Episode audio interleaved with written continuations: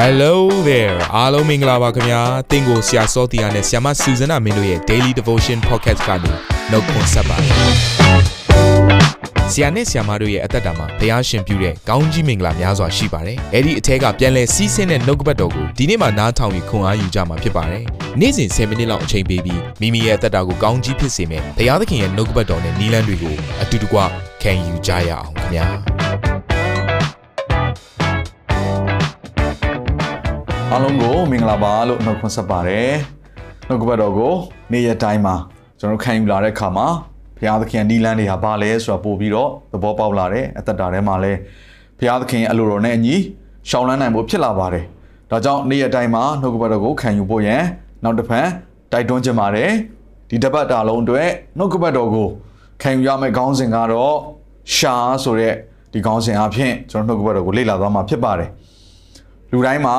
ကျွန်တော်စကားပြောတဲ့အခါမှာဒီနှုတ်ရှာပါဇက်ကိုသုံးရပါတယ်ကျွန်တော်ရဲ့ကိုယ်ခန္ဓာမှာအထူးသဖြင့်ကောင်းမှဆိုရင် communicate ပေါ့နော်တယောက်နဲ့တယောက်ဆက်ဆံတဲ့အရာတယောက်နဲ့တယောက်ယဉ်နှီးကျွမ်းဝင်တဲ့အရာအဓိကဘယ်အရာအဖြစ်သုံးလဲဆိုရင်ရှာနော်ဒီနှုတ်ရှာပါဇက်အဖြစ်သုံးပါတယ်အဲ့တော့ကျွန်တော်တို့ပါဇက်လို့လည်းကျွန်တော်တို့သုံးလေးရှိတယ်နှုတ်ခမ်းလို့လည်းကျွန်တော်တို့သုံးလေးရှိတယ်ရှာလို့လည်းကျွန်တော်တို့သုံးလေးရှိတယ်စကားပြောရင်လည်းဒီကပဲတချင်းဆိုရင်လည်းဒီကပဲနော်အော်ရင်လည်း ဒီနှုတ်ရှာပါဇက်ကိုပဲသုံးရတယ်ဆိုတော့အတန်ပေါ့နော်အဲ့တော့ဒီနှုတ်ရှာပါဇက်ရဲ့တကိုးပါမှုအရေးကြီးမှုဟာနှုတ်ကပကျမ်းစာထဲမှာထင်ထင်ရှားရှား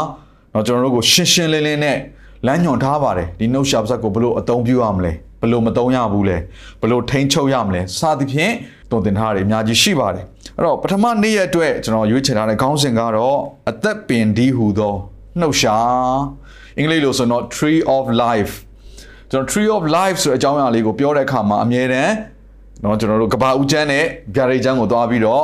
အာမြင်အောင်လေးရှိတယ်။ဘာကြောင့်လဲဆိုတော့ကဘာဦးကျန်းမှာ tree of life အသက်ပင်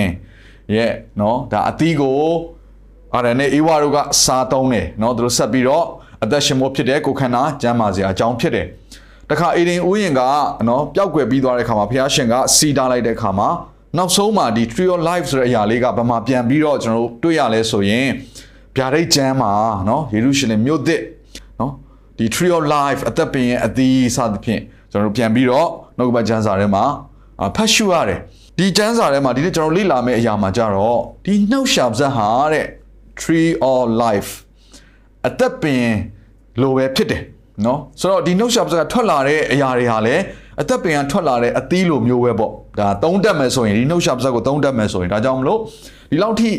အရေးကြီးတဲ့အရာတနည်းအားဖြင့်ပြောမှဆိုကျမ်းမာခြင်းကိုဖြစ်စေတဲ့အရာအသက်ရှင်ခြင်းကိုဖြစ်စေတဲ့အရာဘုရားသခင်ပြင်ဆင်ထားသောကောင်းကြီးမင်္ဂလာဟာအဝေးကြီးမှမဟုတ်ပါဘူးကျွန်တော်တို့ရဲ့နှုတ်ရှာပါဇက်မှာဘုရားရှင်ထားထားပေးတယ်ဆိုတာနှုတ်ကပတ်တော်အပြင်နားလဲရတယ်ရှေးဥစွာကျွန်တော်ကျမ်းပိုက်တစ်ပိုက်ဖတ်ချင်ပါတယ်စာလံ34ဖြစ်ပါတယ်အငယ်7ကနေ73ထိဖြစ်တယ်အချင်းတငယ်တို့လာကြလော့ငါစကားကိုနားထောင်ကြလော့ ထာဝရဘုရားကိုကြောက်ရွံ့ခြင်းတရားကိုသင်တို့အားငါသွန်သင်မည် Fear of the Lord ဆိုတဲ့အရာကယုံကြည်သူတိုင်းရဲ့အသက်တာမှာအရင်ရေးကြည့်တဲ့အရာတခုဖြစ်ပါတယ်နော် Spirit of the Fear of the Lord ဆိုတဲ့အရာကယေရှုခရစ်တော်ရဲ့အပေါ်မှာတက်ရောက်သောဝိညာဉ်တွေကတပါးလေးဖြစ်တယ်အရင်ရေးကြည့်တယ်ဆိုတော့ဒီအရာလေးကိုငါပြောပြမယ်လို့နော်ဆာလန်ဆရာကရေးတဲ့အခါမှာဘာဆက်ပြောလဲဆိုတော့ကောင်းမွန်သောအရာကို တွေ့မြင်မိအကြောင်းအသက်ရှင်ခြင်းနဲ့တကွနေ့ရက်ကာလကို တောင်းတလိုချင်သောသူမြည်သည်က ကိုရှာကိုမကောင်းသောအရာနှင့်ကင်းစေလော့နှုတ်ခမ်းလဲမှုသာစကားကိုမပြောစေနဲ့အသက်ရှင်ခြင်းနဲ့တကွနော်ကောင်းမွန်တဲ့နေ့ရက်ကာလတွေကိုမင်းကြော်ဖြတ်ခြင်းသလားနော်ဒါဆိုရင်တော့ဘုရားသခင်ကိုကြောက်ရွံ့တော်သူရဲ့အသက်တာထဲမှာဖြစ်တဲ့ကောင်းကြီးမင်္ဂလာမျိုးပေါ့နော်အဲ့လိုမျိုးမင်းရခြင်းသလားတဲ့ဆိုတော့လိုက်နာမယ့်အချက်နှစ်ချက်ပေးထားတယ်အဲ့ဒါကဘယ်မှာပဲလဲဆိုတော့ရှာမှာပဲနှစ်ခုကိုသူကကင်းစေရမယ်အဲ့ဒါကဘာလဲဆိုတော့မကောင်းသောအရာ evil things မကောင်းသောအရာနဲ့ကင်းစေရမယ်နောက်တစ်ခုကဘာလဲဆိုတော့မုသာစကား lines ကျွန်တော်တို့လိန်ညာတဲ့စကားတွေကိုမပြောဖို့ရယ်မကောင်းသောအရာတွေနဲ့ဒီနှုတ်ရှာပါစကားသာကင်းမယ်ဆိုရင်တော့တဲ့အသက်ရှင်ခြင်းနဲ့တကွကောင်းမွန်သောအရာတွေနေ့ရက်တိုင်းမှာမင်းကြုံတွေ့ခံစားရမယ်ဘုရားကိုကြောက်ရွံ့ခြင်းဆိုတဲ့အရာဟာအဝေးကြီးမှမဟုတ်ပါဘူးတဲ့ဒီနှုတ်ရှာပါစကနော်ထိုနှစ်ခုကိုကင်းစေတယ်ဆိုရင်ဒါမင်းဘုရားသခင်ကိုကြောက်ရွံ့ခြင်းကိုဖော်ပြနေတာပဲလို့ကျမ်းစာကဒီကျွန်တော်တို့ကိုသွန်သင်နေတာဖြစ်ပါတယ်အဲ့တော့ အသက်ဆိုတဲ့အရာကဘယ်ကနေထွက်လာတယ်ရှာကထွက်လာတယ်ဆိုတဲ့အရာကိုလည်းပြောနေခြင်းဖြစ်ပါတယ်တုတ်တန်ကျန်ခန်းကြီး73အငယ်3မှာဒီလိုရေးပါတယ်မမိမိနှုတ်ကိုစောင့်တော်သူသည်မိမိဤအသက်ကိုစောင့်၏မိမိနှုတ်ကိုကြဲကြဲဖွင့်တော်သူမူကားပျက်စီးခြင်းသို့ရောက်တတ်၏ဆိုတော့ဒီကျမ်းစာလေးကဒီနှုတ်ရှာပါဇက်မှာပဲနှစ်ခုရှိနေတာကိုတွေ့ရတယ်ပထမတစ်ခုကဘာလဲဆိုတော့ကိုယ့်ရဲ့အသက်လုံခြုံရာအကြောင်းဖြစ်တယ်တဲ့ဒုတိယတစ်ခုကတော့ကိုယ့်ရဲ့အသက်တာပျက်စီးစရာအကြောင်းဖြစ်တယ် ဆိုတော့တကယ်အားကြီးခြင်းအသက်ဝိညာဉ်ကိုပေးနိုင်တဲ့အားကြီးခြင်းကလည်းဒီနှုတ်ရှာပါဇက်မှာပဲရှိသလိုနော်ကျွန်တော်တို့ရဲ့အသက်တာဆုံးရှုံးခြင်းဆိုရက်အားနည်းချက်ကလည်းဘာမှပဲရှိနေတယ်ဆိုတော့နှုတ်ရှာပါဇက်မှာပဲရှိနေတယ်မြို့တစ်မြို့ကိုရန်သူတွေကဝိုင်းလာပြီးဆိုရင်နော်အားအနည်းဆုံးသောနေရာကိုတိုက်ခိုက်ပြီးတော့ဒီမြို့ကိုဖြိုဖျက်သလိုပဲကျွန်တော်တို့ရဲ့အသက်တာမှာလည်းအားနည်းတဲ့နေရာကနေအသက်တာကပျက်စီးနိုင်တယ်ဒါဆိုရင်ကျမ်းစာကဘာပြောထားလဲကျွန်တော်တို့ရဲ့အသက်တာပျက်စီးစရာအကြောင်းဘယ်မှာပဲရှိလဲဆိုတော့ နှုတ်ရှာပါဇက်မှာပဲရှိတယ်ဒါကြောင့်ရန်သူဟာလည်းဒီအားအနည်းဆုံးသောနှုတ်ရှာပါဇက်နေရာကနေပြီးတော့အသုံးပြုပြီးတော့ကျွန်တော်တို့ရဲ့အသက်တာကိုဖြည့်ဆည်းဖို့ရန်လှုပ်ဆောင်နေဆိုတာကိုလည်းနားလေသဘောပေါက်ပြီးတော့ဒီနှုတ်ရှာပါဇက်ကိုကျွန်တော်တို့ဆောင်ထိန်ဖို့ရန်အကြောင်းဖြစ်လာပါတယ်ကဲအဲ့တော့တုတ်တန်21နော်23မှာဒီလိုရေးပါတယ်မိမိနှုတ်နှင့်ရှာကိုစောင့်တော်သူသည်မိမိစိတ်ဝိညာဉ်ကိုဒုက္ခနှင့်လွတ်စေခြင်းကစောင့်ရရောက်၏အဲ့တော့နှုတ်ရှာပါဇက်ကိုစောင့်ရှောက်ဖို့ အရေးကြီးလာပါပြီเนาะစောင့်ရမယ်ဒါမှပဲတဲ့ဒုက္ခနဲ့လွတ်မယ်เนาะအသက်ဘေးကနေလွတ်မယ်ဆုံးရှုံးခြင်းကနေလွတ်မယ်အဲ့အတွက်ဘာကိုစောင့်ရမလဲနှုတ်ရှာပါဇက်ကိုစောင့်ရမယ်အဲ့တော့ဒီနှုတ်ရှာပါဇက်ကိုကျွန်တော်တို့စောင့်ထိန်လာနိုင်တဲ့အခါမှာဒီနှုတ်ရှာပါဇက်ကနေပြီးတော့เนาะစောစောကပျက်စီးခြင်းနဲ့ဆိုင်တဲ့အရာရဲ့ဆန့်ကျင်ဘက်ကောင်းသောအရာအသက်ရှင်ခြင်းနဲ့ဆိုင်သောအရာเนาะလူတွေအတွက်တတ်တာစရာအကြောင်းကိုလည်းပြန်ပြီးတော့ အာထုတ်ဖော်နိုင်တယ်ဆိုတာကိုနားလည်ရတယ်เนาะကျမ်းမာစရာအကြောင်းဖြစ်တယ်အဲ့တော့ဗျာဒိတ်ကျမ်းအခန်းကြီး20အငယ်2မှာဒီလိုရေးပါတယ်မြို့လမ်းမအလယ်၌၎င်းဒါယေရုရှလင်မြို့သစ်เนาะဒီຢာကိုပြောနေတာထိုမြစ်နှစ်ဖက်၌၎င်းအသက်ပင်ရှိထိုအသက်ပင်သည်အသီး12မျိုးကိုသီးတတ်၏မိမိအသီးကိုလည်းလာတိုင်းပေးတတ်၏အရွက်သည်လည်းလူအမျိုးမျိုးတို့၏အနာရောဂါငြိမ်းစရာဖို့ဖြစ်၏เนาะဒါ tree of life အသက်ပင်ရဲ့အသီးဟာဘလို့အရသာမျိုးကိုပေးလဲ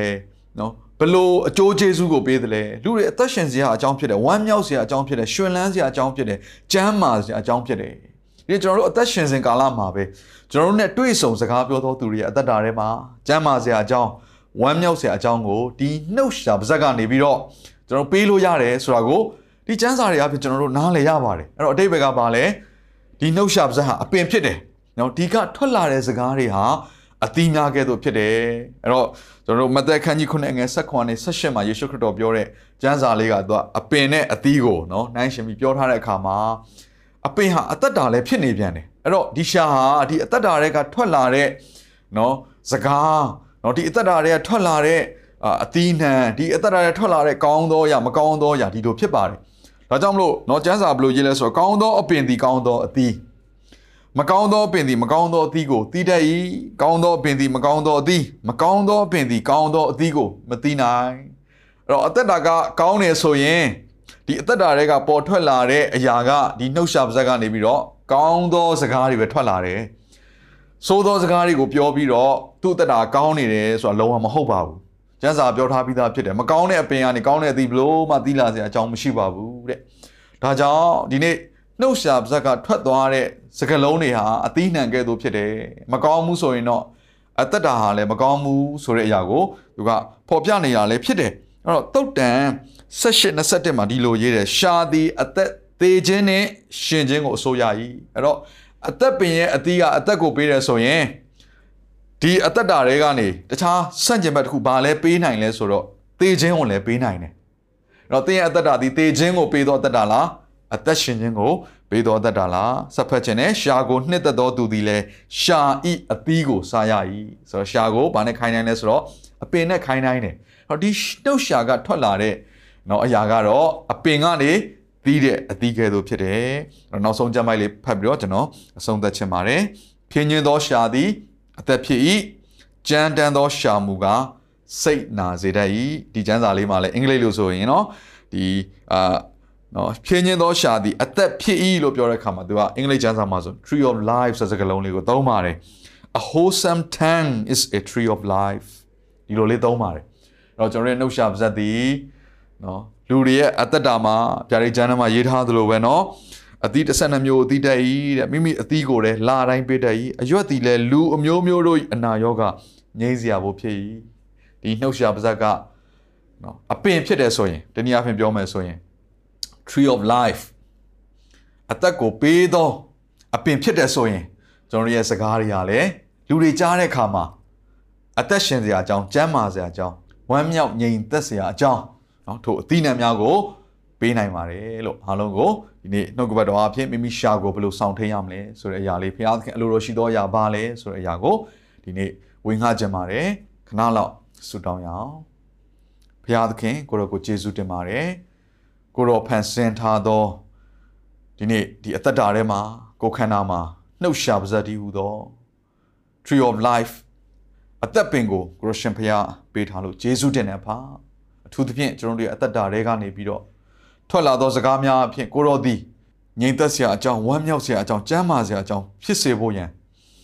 အလိုတော်ရှိသောကြောင့်ဒီနေ့နှုတ်ကပတ်တော်ကိုကြားနာတော်သူတယောက်စီတိုင်းအသက်တာထဲမှာဒီနှုတ်ရှာပါဇက်ကိုမှန်ကန်စွာကောင်းမွန်စွာ ကိုတော့အလိုတော်တိုင်းသုံးနိုင်တော်သူတွေဖြစ်ဖို့ကိုတော့ကောင်းကြီးပေးပါမိမိနှုတ်ရှာကိုစောင့်ထိန်လျက်သူတစ်ပါးအတွက်တတ်တာစရာအကြောင်းကျမ်းမာစရာအကြောင်းနှုတ်ရှာပါးကိုအသုံးပြုလျက်ဆေလွတ်တော်သူတွေဖြစ်ဖို့ရန်လဲကိုတော့မဆပါယေရှုတင်တဲ့အသက်ရှင်တော်မူသောနာဇရက်မြတ်ယေရှုခရစ်တော်၏နာမကိုအမိပြုလျက်ဆုတောင်းစက္ကန့်အနှံ့ကြပါ၏အာမင်